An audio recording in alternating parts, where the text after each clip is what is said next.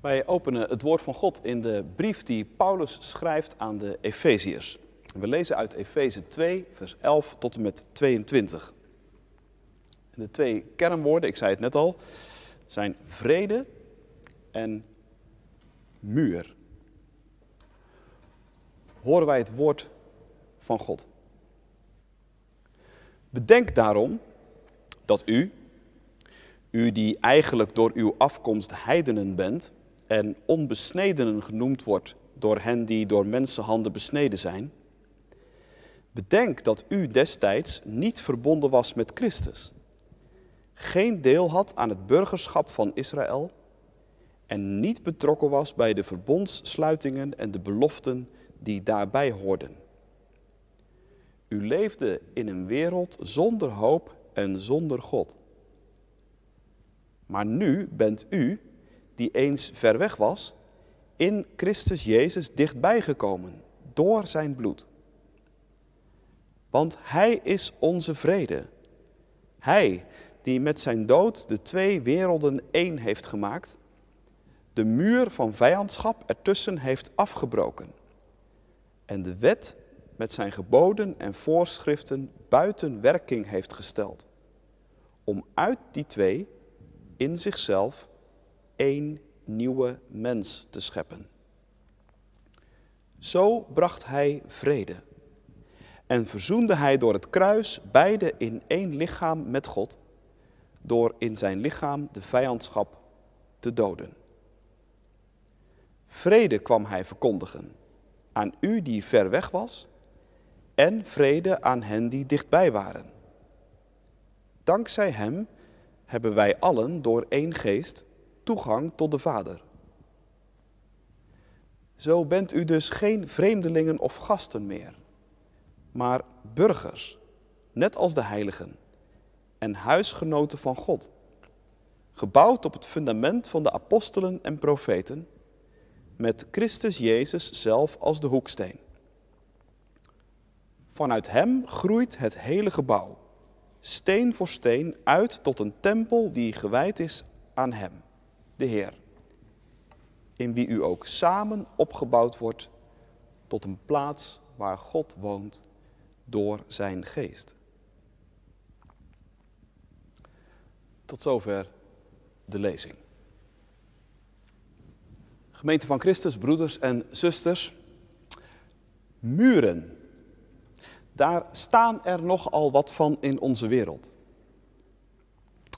Huizen en gebouwen hebben muren. Dat spreekt vanzelf, anders kunnen ze geen dak dragen. Maar er zijn ook genoeg muren die simpelweg bedoeld zijn als een muur. Niet meer en niet minder. Daar zitten indrukwekkende exemplaren bij. De Chinese muur bijvoorbeeld schijnt zelfs zichtbaar te zijn vanuit de ruimte en is verreweg de oudste, de langste en de dikste. Maar ook de muur van Trump mag er zijn, aan de grens met Mexico. De muur op de westelijke Jordaanoever in Israël. En de meeste van ons kunnen zich vast de Berlijnse muur en het hele ijzeren gordijn nog wel goed herinneren. Ja, en dan heb ik het alleen nog maar over de zichtbare muren. Maar wat dacht je van onzichtbare? Daar zijn er nog veel meer van. Ontelbaar veel onzichtbare muren tussen wijken in een stad. Tuindorp aan de ene kant van het spoor, Overvecht aan de andere kant. Of onzichtbare muren in je klas. De hockeyers aan de ene kant, de voetballers aan de andere kant. De ene groep draagt merkkleding en kan dat betalen de andere groep niet. Er zijn muren tussen boeren en milieuactivisten, tussen vaxers en antivaxers, tussen links en rechts, rijk, arm, allochtoon, autochtoon. Er staan muren tussen christenen en niet-christenen. En ook de christenen zijn dan weer onderling verdeeld. En soms gaan al die onzichtbare muren zelfs dwars door christelijke gemeentes heen. Door families en door gezinnen. Zit je weliswaar in dezelfde kerk, misschien al jaren, maar zijn er toch thema's die onbespreekbaar zijn. Of kun je gewoon echt niet bij je vader of bij je moeder of bij je broer of je zus komen? Bij hun hart bedoel ik dan, omdat jullie zo heel anders in het leven staan. En merk je tot je verdriet dat er een muur staat tussen jou en hen. Of soms zelfs binnen een vriendschap of een huwelijk.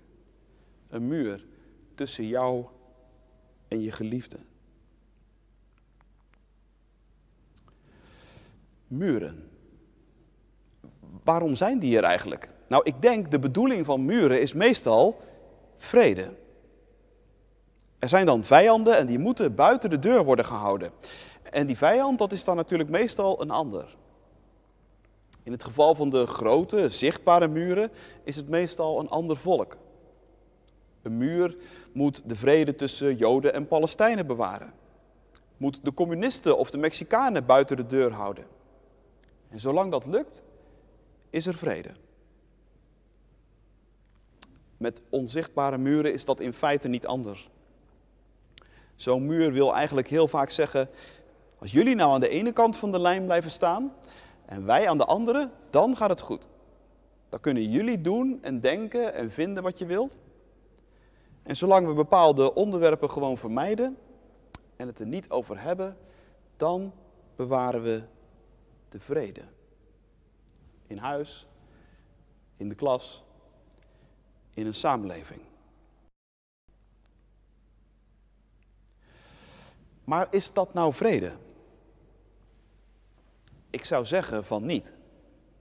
Ja, natuurlijk wel als je vrede alleen maar hoort als een toestand waarin er geen oorlog is. En soms lijkt dat ook het hoogst haalbare. Maar dan heb je het nog lang niet over de vrede in de volle en diepe bijbelse zin van het woord. Dan heb je het nog lang niet over wat in de Bijbel shalom betekent. Shalom is veel meer dan dat er alleen maar geen oorlog zou zijn. Shalom betekent harmonie. Het is volle vrede. Het is dat er niks meer in de weg staat. Dat een ander niet meer een bedreiging voor je is en dat jij geen bedreiging meer bent voor een ander. Bij shalom is er geen vijandschap meer en geen vervreemding en geen angst. Is niet alles schaars of tekort, maar is er overvloed. Ja, als je het zo bekijkt, dan is heel veel vrede toch in onze wereld in feite schijnvrede. Het is vrede onder voorwaarden. En als er iemand is die die voorwaarden schendt, die een stap durft te doen over die onzichtbare grens, ja, dan kan de oorlog zomaar weer losbarsten. En ook al zijn we zo vertrouwd met al die onzichtbare muren, ergens diep van binnen weten wij dat. En, en weten we ook ons met zulke vrede in feite niet echt gelukkig. Dat merk je als er een keer een muur wordt neergehaald. Zoals in het geval van de Berlijnse muur bijvoorbeeld. Je kunt je misschien die beelden nog herinneren, de foto's en de filmbeelden, over uitzinnige vrede, vreugde die mensen pakten toen die muur eindelijk instortte. Je merkt het ook als een onzichtbare muur wordt neergehaald. Bijvoorbeeld in een programma als het familiediner. Op zulke momenten merk je ineens, een muur is niet gewoon. En de onzichtbare muren in een anderhalve meter samenleving, die kunnen dus ook nooit een nieuw normaal worden.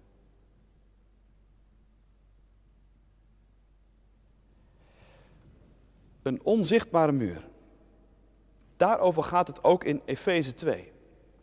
En die onzichtbare muur, die loopt daar door twee groepen mensen. Aan de ene kant van de streep het Joodse volk. Aan de andere kant van de streep de heidenen. Dat wil zeggen alle niet-Joden. En waar bestond die onzichtbare muur dan uit? Nou, Volgens vers 15 moet je denken aan de wet van God, aan de Torah. Aan de geboden die aan Israël waren gegeven en die Israël heel anders maakten dan alle andere volken. Dat was ook aanvankelijk de bedoeling van de Heere God. Israël moest anders zijn dan alle andere volken. Israël moest een koninkrijk van priesters zijn. Zo kun je dat lezen in Exodus 19. En een heilig volk. De bedoeling was dat de mensen van Israël de Heere God zouden vertegenwoordigen onder de mensen. In hun manier van doen, in hun leven, iets van God zouden weerspiegelen. Zodat dat bij andere volken zou opvallen. Israël is een volk met een bijzondere roeping. En om dat bijzondere te markeren, daarvoor was er de Torah. Daarvoor waren er de geboden. De geboden als een soort beschermende laag dus. Een soort celwand. Om te markeren wat bij binnen hoort en wat bij buiten hoort. Maar nu heeft Paulus het hier in Efeze 2 over een muur van vijandschap. Dat gaat dus nog weer een stap verder. Blijkbaar is er in de loop van de tijd met die geboden, met die muur iets gebeurd. De geboden zijn niet alleen maar een beschermende laag om Israël gebleken, om ervoor te zorgen dat zij hun roeping niet zouden vergeten. Nee, de geboden zijn op de een of andere manier ook een stok om te slaan geworden en, en een bron van irritatie. Denk niet dat het heel moeilijk is om ons daar iets bij in te denken. Als jij iets hebt wat een ander niet heeft, merkkleding, een nieuwe telefoon, verzin wat, dan kan dat je zomaar trots en arrogant maken. Dat hoeft op zich niet, maar heel eerlijk, het gebeurt vaak wel. En ook vaak heel snel en heel gemakkelijk. Voor je het weet is het jij tegenover je klasgenoten. Of tegenover je zusje of je broertje. Voor je het weet ontstaat er iets van wij tegenover zij. Nou, in dit geval, in Efeze 2, gaat het over het bevoorrechte volk van God. Zij zeiden, wij hebben Gods geboden gekregen. Wij horen bij het verbond. En jullie, jullie niet. Jullie zijn onbesnedenen. Met jullie wil God niks te maken hebben. Nou, wat er dan van de andere kant gebeurt, kun je ook niet moeilijk raden. Als jij trots met een nieuwe telefoon loopt te zwaaien, kun je erop rekenen dat er van de andere kant allemaal hatelijke en snerende opmerkingen naar je toe komen. En zo stonden er in de tijd van Paulus de Joden er ook niet zo goed op. Met hun vreemde gewoontes in de ogen van anderen, de besnijdenis, allerlei spijswetten, de sabbat en het aanbidden van maar één God, konden Joden heel vaak maar op weinig sympathie rekenen van andere volken. Zij werden nogal eens heel vreemd gevonden. En ook nogal eens als tweederangs burgers beschouwd en behandeld. Ja, en zo gaat zoiets van kwaad tot erger. De een vindt de ander trots en arrogant. De ander vindt de een jaloers en onverschillig. En niemand weet meer wie er nu eigenlijk begon. Maar het gevolg is dat die onzichtbare muur een muur van vijandschap wordt. Hij wordt alsmaar hoger en hoger en hoger. En hij wordt alsmaar dikker en dikker en dikker. En de vrede? Misschien is er nog net geen laaiende oorlog, maar echte vrede, die is steeds verder te zoeken. Hoe gaat dat nou ooit nog goed komen?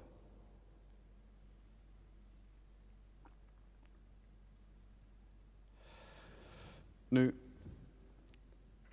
het is al goed gekomen. Dat is verrassend, maar dat is wat Paulus zegt. Het is al goed gekomen. Dat is het grote geheim en de grote verrassing waarom de hele Efezebrief en misschien wel alle brieven en het hele Nieuwe Testament draait. En dat is het evangelie dat ik jullie vanmorgen mag verkondigen. Het is al goed gekomen.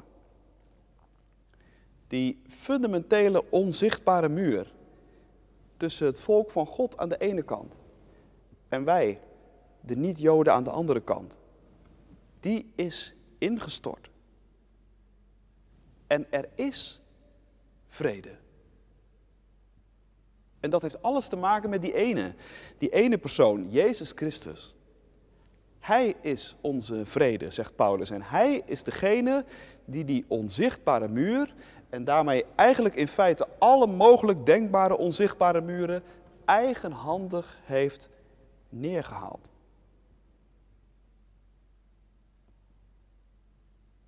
Hoe dan?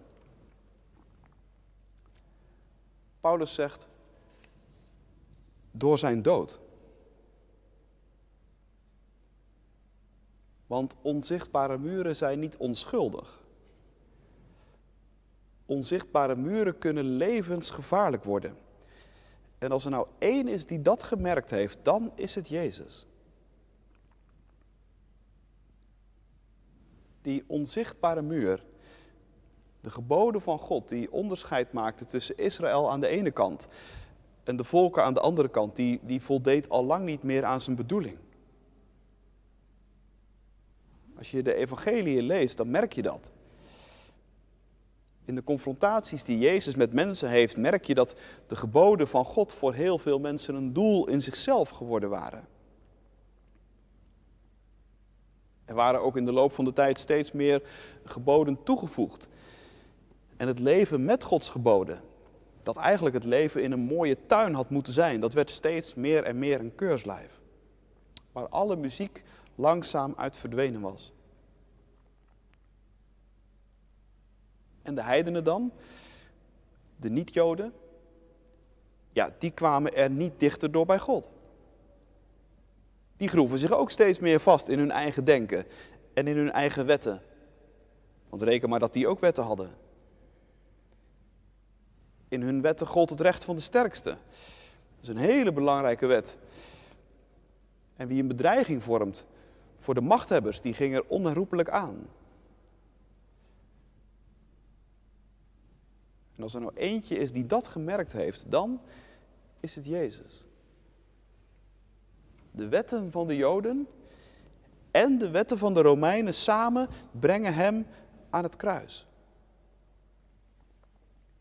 Voor de Joden is Jezus een bedreiging omdat hij het hardop durft te zeggen.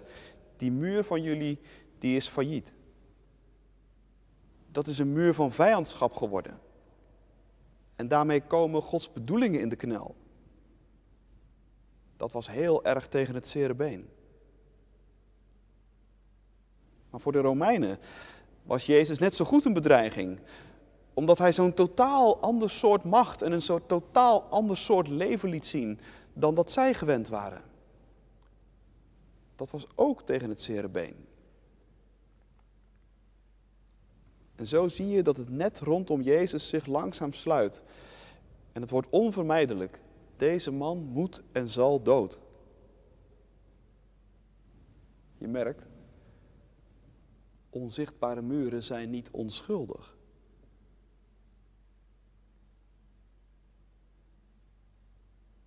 Maar dat blijft dan natuurlijk nog even een vraag. Hoe kan nou een dode Jezus onze vrede zijn? Ja, dat heeft natuurlijk alles te maken met dat andere geheim. Met het geheim van Pasen. Pasen is de grote omkeer van alles. Op de paasmorgen blijkt dat de dood niet een einde maakt aan Jezus, maar dat Jezus een eind maakt aan de dood. En met dat Jezus stierf, zegt Paulus, haalde hij die onzichtbare muur tussen het volk van God en de andere volken en daarmee op een bepaalde manier tussen God en ons. Die muur haalt hij neer. Want hij is de vorst van de vrede. Hij laat in zijn dood zien waar het God om gaat. Het gaat God om de echte vrede, om de echte shalom. En voor het zover is, moet er een heleboel sterven. En moeten er een heleboel onzichtbare muren worden neergehaald. Het gaat de Heere God om het opheffen van alle vijandschap tussen Hem en ons. En onder elkaar. En in dat proces is er op Pasen iets fundamenteels veranderd. wat niet meer teruggedraaid kan worden. Eerst leefden jullie in een wereld zonder God en zonder hoop, zegt Paulus. Maar nu zijn jullie, die eens ver weg waren, in Jezus dichtbij gekomen. En die wij en die jullie, dat gaat dus over ons. Paulus schrijft deze brief aan heidenchristenen. Aan mensen die iets van Jezus gehoord hebben, maar die niet bij het Joodse volk hoorden. Dat gaat dus over ons. Wij zijn dichtbij gebracht. God is er ook voor ons. En de weg tot Hem, die loopt niet langer via geboden en voorschriften. Die weg is doodgelopen. Want als geboden op een verkeerde manier gebruikt worden, dan brengen ze uiteindelijk alleen maar verdeeldheid en richten ze overal onzichtbare muren op. Jezus schept in zijn dood en in zijn opstanding een nieuwe mensheid. En vrede is het codewoord. Hij is onze vrede.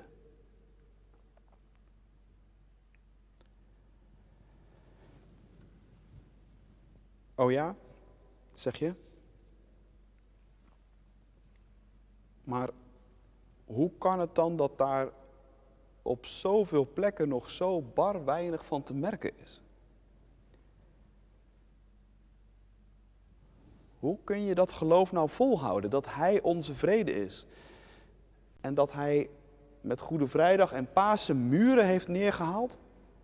Als er nog zoveel zichtbare en onzichtbare muren opgericht staan in onze wereld.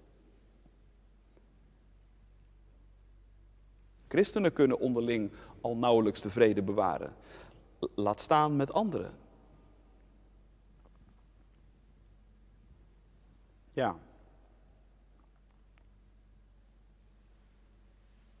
Je kunt, als je dat bedenkt, gaan denken, dan heeft God blijkbaar toch nog niet genoeg gedaan. Dan heeft Hij misschien toch te weinig gegeven. En is hij misschien wel niet in staat om die vrede waar te maken.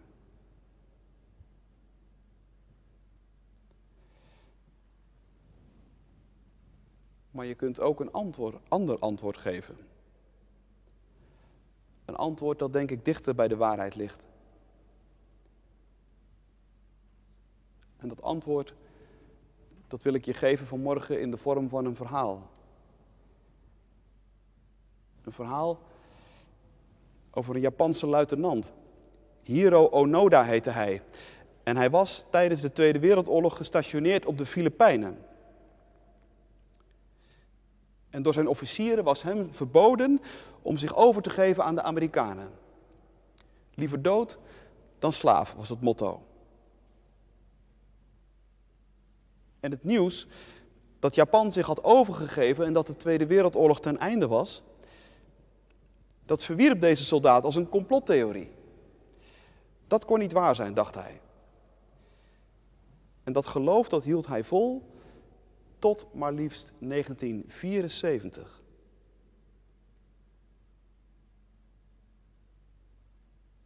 Toen vond men hem op dat eiland waar hij leefde als een soort van dorpsgek.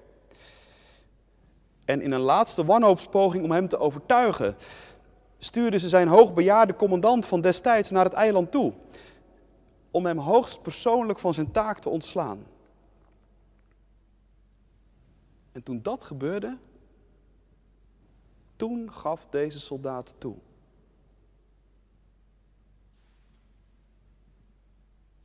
Hiro Onoda. Wij lijken op die man. We geloven in feite geen van allen dat de oorlog echt voorbij is en gaan daarom rustig door met het bouwen van muren. Tenzij er iemand is die hoogst persoonlijk naar ons toe komt en die tegen je zegt: Het is over.